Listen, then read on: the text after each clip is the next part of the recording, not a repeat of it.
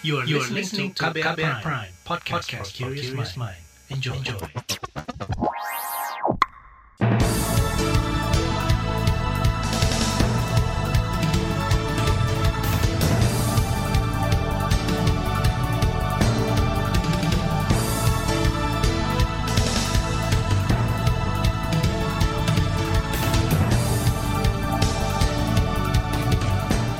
Selamat pagi saudara, senang sekali kami bisa menjumpai Anda melalui program Buletin Pagi edisi Selasa 3 Januari 2023. Bersama saya Naomi Liandra, sejumlah informasi pilihan telah kami siapkan. Di antaranya, buruh siapkan langkah tolak perpu cipta kerja. Jokowi berharap Indonesia tak terdampak resesi global. Jakarta masuk 10 provinsi serapan APBD rendah. Inilah Buletin Pagi selengkapnya terbaru di Buletin Pagi. Saudara, kelompok buruh bakal menggalang dukungan dari berbagai kalangan, seperti akademisi dan DPR untuk menolak pemberlakuan peraturan pemerintah pengganti Undang-Undang Perpu Cipta Kerja. Isi Perpu tak banyak berubah dari Undang-Undang Cipta Kerja, tetapi ada dua poin baru dalam klaster ketenaga kerjaan, yakni formula penghitungan upah minimum yang mempertimbangkan variabel pertumbuhan ekonomi, inflasi, dan indeks tertentu. Sebelumnya hanya memuat pertumbuhan ekonomi dan inflasi. Selain itu, Perpu memasukkan kembali pasal tentang pekerja alih daya atau outsourcing. Menurut Wakil Ketua Konfederasi Persatuan Buruh Indonesia KPBI Jumisi, isi Perpu merugikan buruh sehingga harus ditolak. Sementara Partai Buruh akan mengambil langkah hukum berupa uji materi terhadap Perpu Cipta Kerja. Berikut keterangan Presiden Partai Buruh Said Iqbal. Tapi kita lihat perkembangannya, mudah-mudahan diplomasi jalan. Langkah ketiga tentu aksi. Bagaimana aksi? Kita lihat perkembangan daripada uh, sikap pemerintah, sikap DPR yang akan menerima Perpu itu bagaimana? Baru Partai Buruh bersama Serikat Buruh, Serikat Petani dan kelas pekerja lainnya akan menggelar aksi. Kalau isi Perpu ya sekali lagi isi Perpu tidak sesuai. Penerbitan Perpu Cipta Kerja juga diprotes Wakil Rakyat di Parlemen. Politikus Partai Demokrat Hasbil Mustaqim Lubis berpandangan, pemerintah mestinya mematuhi putusan Mahkamah Konstitusi, yakni dengan memperbaiki Undang-Undang Cipta Kerja, bukan menerbitkan Perpu. Iya, kita sama-sama mengetahui ya, parlemen mereka kan cukup besar ya koalisinya ya. 82 persen uh, mereka menguasai parlemen. Uh, tinggal Demokrat dan PKS. Ya, kita kan punya uh, kelengkapan alat dewan di parlemen nanti melalui fraksi Demokrat akan menyampaikan pandangan yang terhadap Perpu ini, Mbak. Yang jelas sampai hari ini uh, baik itu kader maupun eh, suara kader maupun dewan menolak lahirnya Perpu ini. Politikus Partai Demokrat Hasbil Mustaqim Lubis pesimistis dengan langkah hukum seperti uji material maupun formil Perpu Cipta Kerja. Kata dia, hingga saat ini belum ada gugatan terhadap Perpu yang dikabulkan MK jika Perpu itu telah menjadi undang-undang apalagi independensi MK saat ini juga diragukan. Presiden Joko Widodo menganggap berbagai penolakan terhadap Perpu Cipta Kerja sebagai hal biasa. Itu diungkapkan Jokowi usai meninjau pasar Tanah Abang, Jakarta kemarin. Ya biasa dalam dalam setiap uh, kebijakan, dalam setiap keluarnya sebuah uh, regulasi ya. Tapi semuanya bisa kita jelaskan. Sebelumnya Presiden Jokowi menyebut ancaman risiko ketidakpastian ekonomi global sebagai alasan penerbitan Perpu Cipta Kerja. Kata dia, ekonomi Indonesia sangat bergantung pada investasi dan ekspor, sehingga Perpu Cipta Kerja bisa memberi kepastian hukum bagi investor baik dalam maupun luar negeri. Sementara itu, pakar hukum tata negara Susi Dwi Haryanti menilai Perpu Cipta Kerja tidak memenuhi unsur kegentingan yang memaksa, Mestinya pemerintah melaksanakan perintah MK dengan melibatkan partisipasi bermakna dalam perbaikan Undang-Undang Cipta Kerja, bukan malah menerbitkan Perpu. Menurutnya, upaya penolakan Perpu bisa dengan mengajukan gugatan uji materi ke MK, utamanya pada poin ketidakpatuhan Presiden terhadap putusan MK yang menyatakan Undang-Undang Cipta Kerja inkonstitusional bersyarat perintah MK yang selanjutnya, yaitu melakukan perbaikan guna mem guna memenuhi cara atau metode yang pasti, baku dan standar, serta keterpenuhan asas-asas pembentukan undang-undang, khususnya berkenaan dengan asas keterbukaan, harus menyertakan partisipasi masyarakat yang maksimal dan lebih bermakna, yang merupakan pengejawantahan perintah konstitusi pada pasal 22A Undang-Undang Dasar 1945, menurut saya tidak dilaksanakan. Pakar Hukum Tata Negara Susi Dwi Haryanti menambahkan peran parlemen dalam penolakan Perpu juga bisa dimaksimalkan. Pasalnya Perpu harus melewati persetujuan DPR. Susi meminta DPR mempertimbangkan putusan MK terkait Undang-Undang Cipta Kerja saat menyatakan setuju atau menolak Perpu tersebut. Saudara Presiden Jokowi berharap Indonesia tak terdampak resesi global. Informasinya akan hadir sesaat lagi, tetaplah di Buletin Pagi KBR. You're listening to KBR Pride, podcast for curious mind. Enjoy!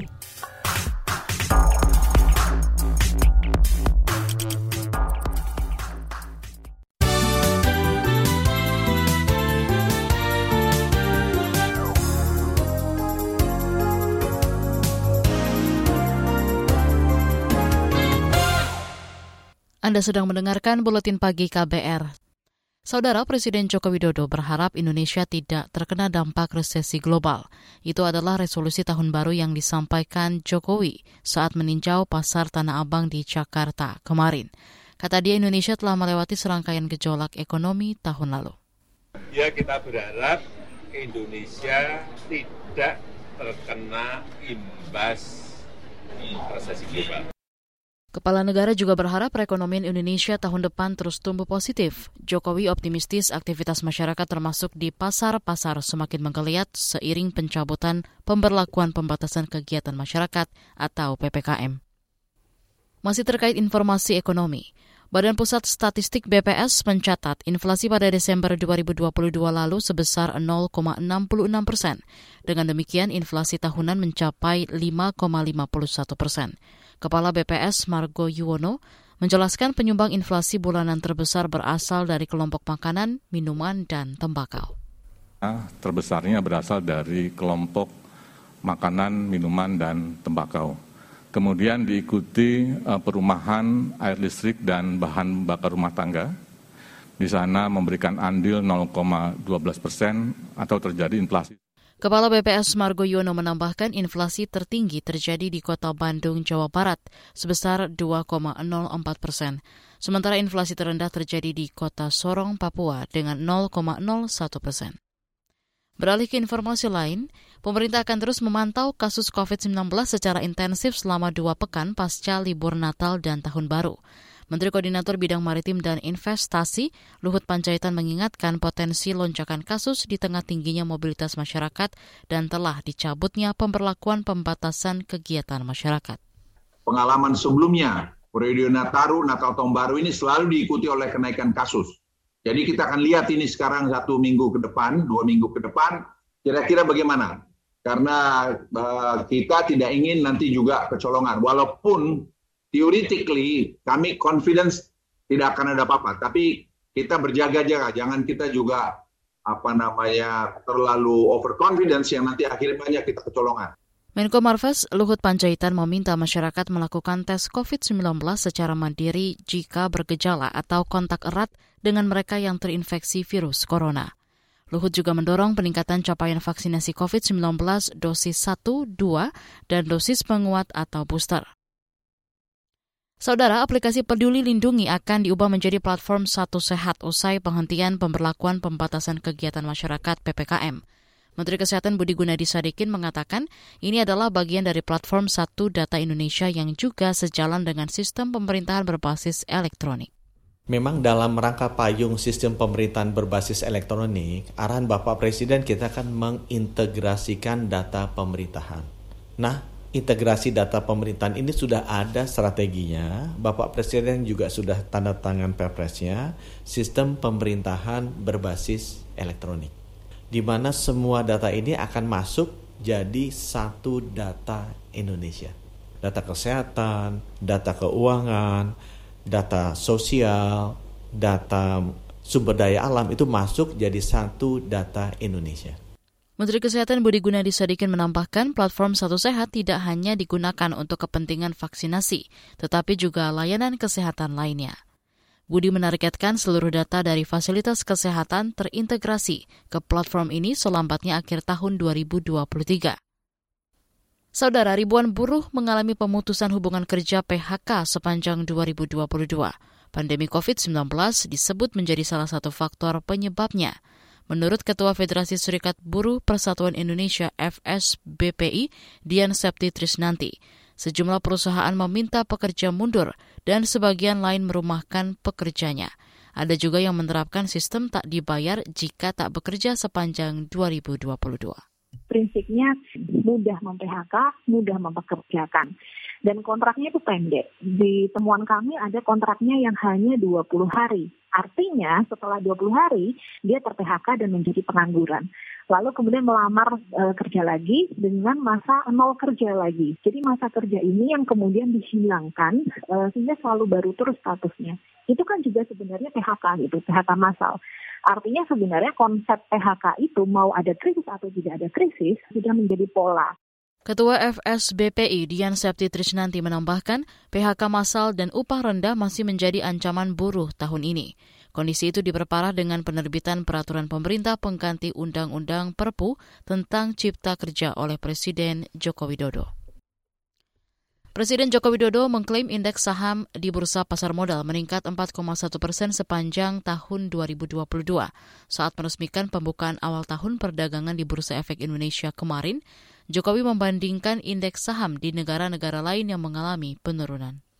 Kemudian market cap, kapitalisasi pasar juga tumbuh 15 persen sampai di angka 9.499 triliun rupiah. Ini juga bukan sebuah angka yang kecil, angka yang besar. Di tengah turbulensi ekonomi global di tahun 2022. Di tahun 2023 ini adalah tahun ujian bagi ekonomi global maupun ekonomi kita. Kita tetap harus hati-hati, tetap waspada. Presiden Jokowi menambahkan pencabutan pemberlakuan pembatasan kegiatan masyarakat atau PPKM menjadi salah satu pendorong pertumbuhan ekonomi Indonesia. Kita ke informasi mancanegara. Dua pekan terakhir, Jepang mengerahkan jet tempur, pesawat, dan kapal perang untuk mengawasi kapal induk dan lima kapal perang Cina yang bermanuver di perairan Pasifik. Dikutip dari Reuters, Kementerian Pertahanan Jepang mencatat lebih dari 300 pesawat dan jet lepas landas serta mendarat di kapal induk Cina. Jepang juga mendeteksi penerbangan drone Cina di dekat Pulau Miyakojima di Pasifik Barat. Sebelumnya Beijing menggelar latihan militer bersama dengan Rusia di pekan ketiga Desember 2022 lalu di Laut Cina Timur. Latihan militer itu diklaim untuk memperkuat kerjasama Angkatan Laut Beijing dan Moskow dalam menjaga perdamaian dan stabilitas di kawasan Asia Pasifik. Beralih ke berita olahraga.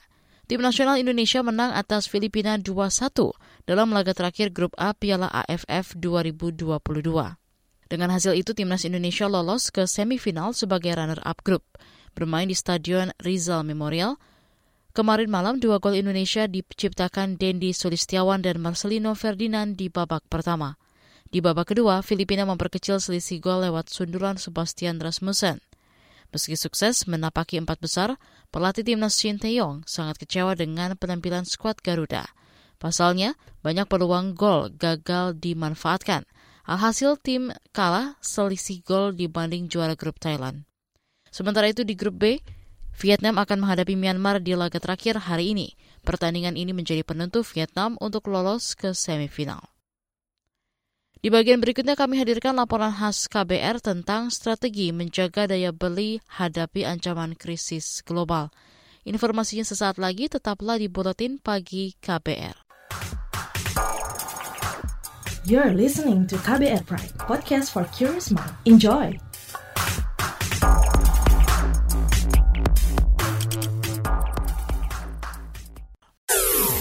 Commercial break. Anda sering gelisah, tidak bisa tidur nyenyak, selalu merasa ada yang merasuki pikiran Anda. Ini bukan iklan horor atau cerita seram, tapi kalau Anda mengalami hal seperti itu, Anda pasti ketinggalan berita terupdate yang lagi ramai diperbincangkan. Gak mau kan dibilang ketinggalan berita?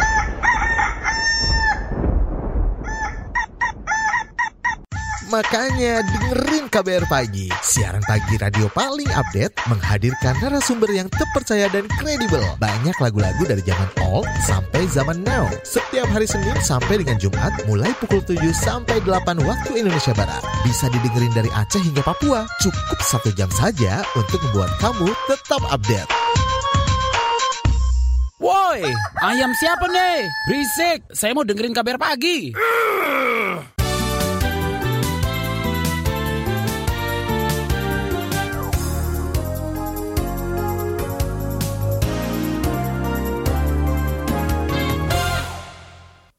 Anda masih bersama kami di Buletin Pagi KBR. Situasi ekonomi global masih menjadi ancaman bagi perekonomian nasional. Saat ini ada sekitar 30 negara mengalami sakit ekonomi dan menjadi pasien dari Lembaga Donor Internasional IMF. Dan 30-an negara lagi antri menjadi pasien berikutnya. Salah satu bentuk antisipasi krisis adalah mengendalikan inflasi dan menjaga kemampuan daya beli masyarakat. Bagaimana menjaga daya beli masyarakat dalam negeri? Berikut laporan khas KBR disusun Agus Lukman. Saudara pemerintah optimis ekonomi Indonesia bisa bertahan di tengah situasi ekonomi global yang gelap di tahun ini. Staf khusus Menteri Keuangan Justinus Prastowo menyatakan, meski tak mudah, ekonomi Indonesia diyakini masih terus tumbuh baik di tengah tantangan global dengan perkiraan tumbuh di kisaran 5 persen. Salah satu upayanya adalah pemerintah terus mendorong sumber pertumbuhan ekonomi, salah satunya konsumsi rumah tangga. Belanja berkualitas spending better dengan pertumbuhan uh, nominal yang semakin rendah, tetapi capaian atau efektivitas yang semakin tinggi. Pemerintah fokus sumber-sumber pertumbuhan ekonomi terus diperhatikan, baik sisi konsumsi, investasi, lalu insentif, dan juga belanja pemerintah yang mendukung investasi yang lebih besar. Sebelumnya Menteri Keuangan Sri Mulyani Indrawati menyebut konsumsi rumah tangga menjadi perhatian serius bagi pemerintah. Ia mengatakan konsumsi rumah tangga memiliki kaitan erat dengan daya beli masyarakat. Kalau kita bicara tentang uh, daya beli masyarakat, APBN kita menjadi shock absorber yang luar biasa. Tahun ini kita membelanjakan untuk subsidi kompensasi di atas 500 triliun. Tahun depan bansos kita mencapai 470 triliun. Itu untuk menjaga daya beli masyarakat dan memberikan jaring pengaman sosial terutama kepada kelompok yang vulnerable. Meski begitu, anggota Komisi Bidang Ekonomi DPR dari fraksi PKS, Ahmad Junaidi Auli, mengusulkan ada penurunan suku bunga acuan Bank Indonesia. Tujuannya agar dunia usaha tetap bergairah. Eh, bagaimana menggairahkan program pembangunan infrastruktur desa karena uh, dengan adanya uh, pembangunan infrastruktur desa itu mungkin potensi desa potensi lokal bisa lebih termanfaatkan sehingga apa daya belinya masyarakat itu bisa lebih baik lagi. Junaidi juga meminta pada tahun ini pemerintah membuka banyak lapangan kerja baru. Pembukaan lapangan kerja baru diharapkan bisa membuat daya beli masyarakat menjadi lebih baik lagi. Selain itu, Junaidi mengusulkan agar pemerintah menaikkan batas penghasilan yang tidak kena pajak yang saat ini berkisar di angka 4,5 juta rupiah per bulan atau sekitar 54 juta per tahun. Dengan begitu, beban masyarakat bisa dikurangi. Catatan juga disampaikan Direktur Eksekutif Lembaga Kajian Ekonomi Indef Tauhid Ahmad. Ia meminta pemerintah memperhatikan daya beli masyarakat di tahun 2023 dengan semaksimal mungkin menekan inflasi. Eh, konsumsi masyarakat agar uh, tidak tergerus paling tidak adalah mempertahankan inflasi tetap rendah. Karena kalau uh, cenderung pendapatan masyarakat itu cenderung banyak di menengah bawah itu relatif konstan sementara inflasinya bisa lebih tinggi gitu. Mereka siap misalnya kan bisa menerima kenaikan inflasi 3%. Begitu di atas itu ya daya beli ter tergerus begitu ya kayak kemarin 5,3 5,4 itu jelas daya beli masyarakat tergerus jadi uh, inflasinya harus uh, tetap uh, rendah lah di bawah 3 Direktur Eksekutif Indef Tauhid Ahmad juga meminta pemerintah menjaga kenaikan upah yang stabil dan memberi kepastian peningkatan pendapatan baik di sektor formal maupun informal. Ia juga mendorong pemerintah melanjutkan program bantuan sosial untuk kelompok yang membutuhkan. Namun, ia meminta agar pemerintah mengevaluasi program bansos agar menjadi lebih tepat sasaran. Saudara, laporan ini disusun Agus Lukman, saya Reski Mesanto. Informasi dari berbagai daerah akan hadir usai jeda. Tetap bersama Buletin Pagi KBR. You're listening to KBR Pride, podcast for curious mind. Enjoy!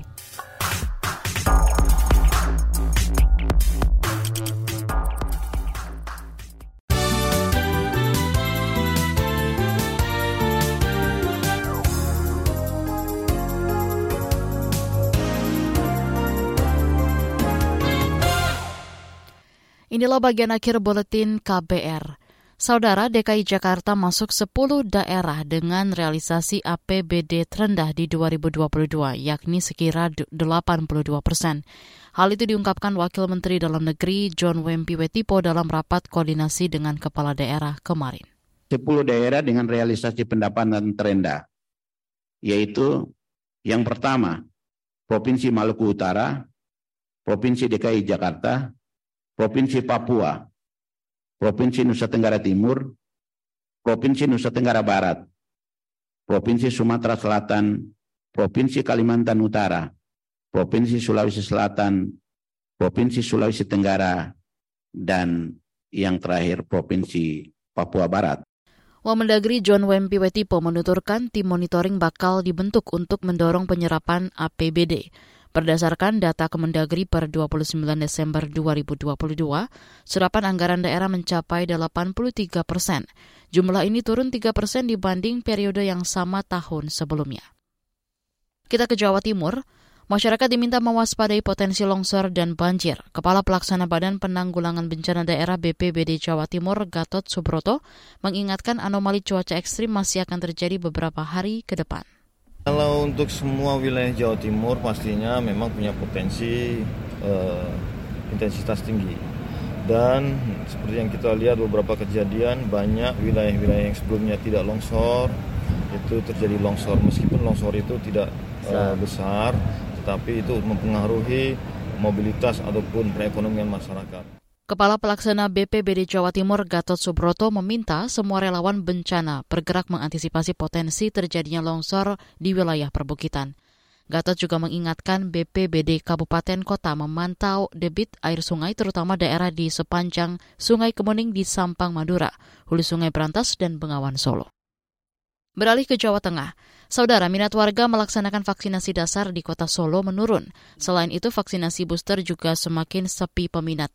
Selengkapnya disampaikan kontributor Yuda Satriawan pemerintah mencabut aturan pemberlakuan pembatasan kegiatan masyarakat, minat warga untuk vaksinasi COVID di Solo mulai menurun. Kepala Dinas Kesehatan Pemkot Solo Siti Wahyuningsih mengatakan prosentase vaksinasi dasar di Solo saat ini masih di atas target. Pemkot saat ini terus mendorong masyarakat untuk mendapatkan vaksinasi booster 1 maupun 2 yang saat ini menunjukkan penurunan. Dosis 2-nya 12403, dosis 3-nya 75,68. Secara ini ya bisa Allah sudah. Ini masyarakat dosis 4 aja juga 28,37. Yang nakes itu sudah 95,65 persen. Selama ini kesadaran warga untuk vaksinasi booster hanya karena persyaratan perjalanan menggunakan transportasi publik. Padahal tegas nih vaksinasi booster untuk memperkuat imunitas tubuh. Dari Solo, Jawa Tengah, Yuda Satriawan, KBR. Informasi tadi menutup jumpa kita di Buletin Pagi hari ini. Pantau juga informasi terbaru melalui kabar baru, situs kbr.id, Twitter di akun @beritaKBR, serta podcast di alamat kbrprime.id. Akhirnya saya Naomi bersama tim yang bertugas undur diri. Salam.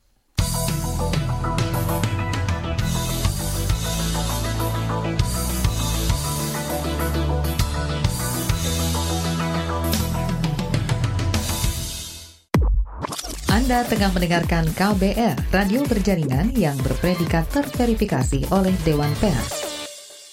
KBR Prime, cara asik mendengar berita. KBR Prime, podcast for curious mind.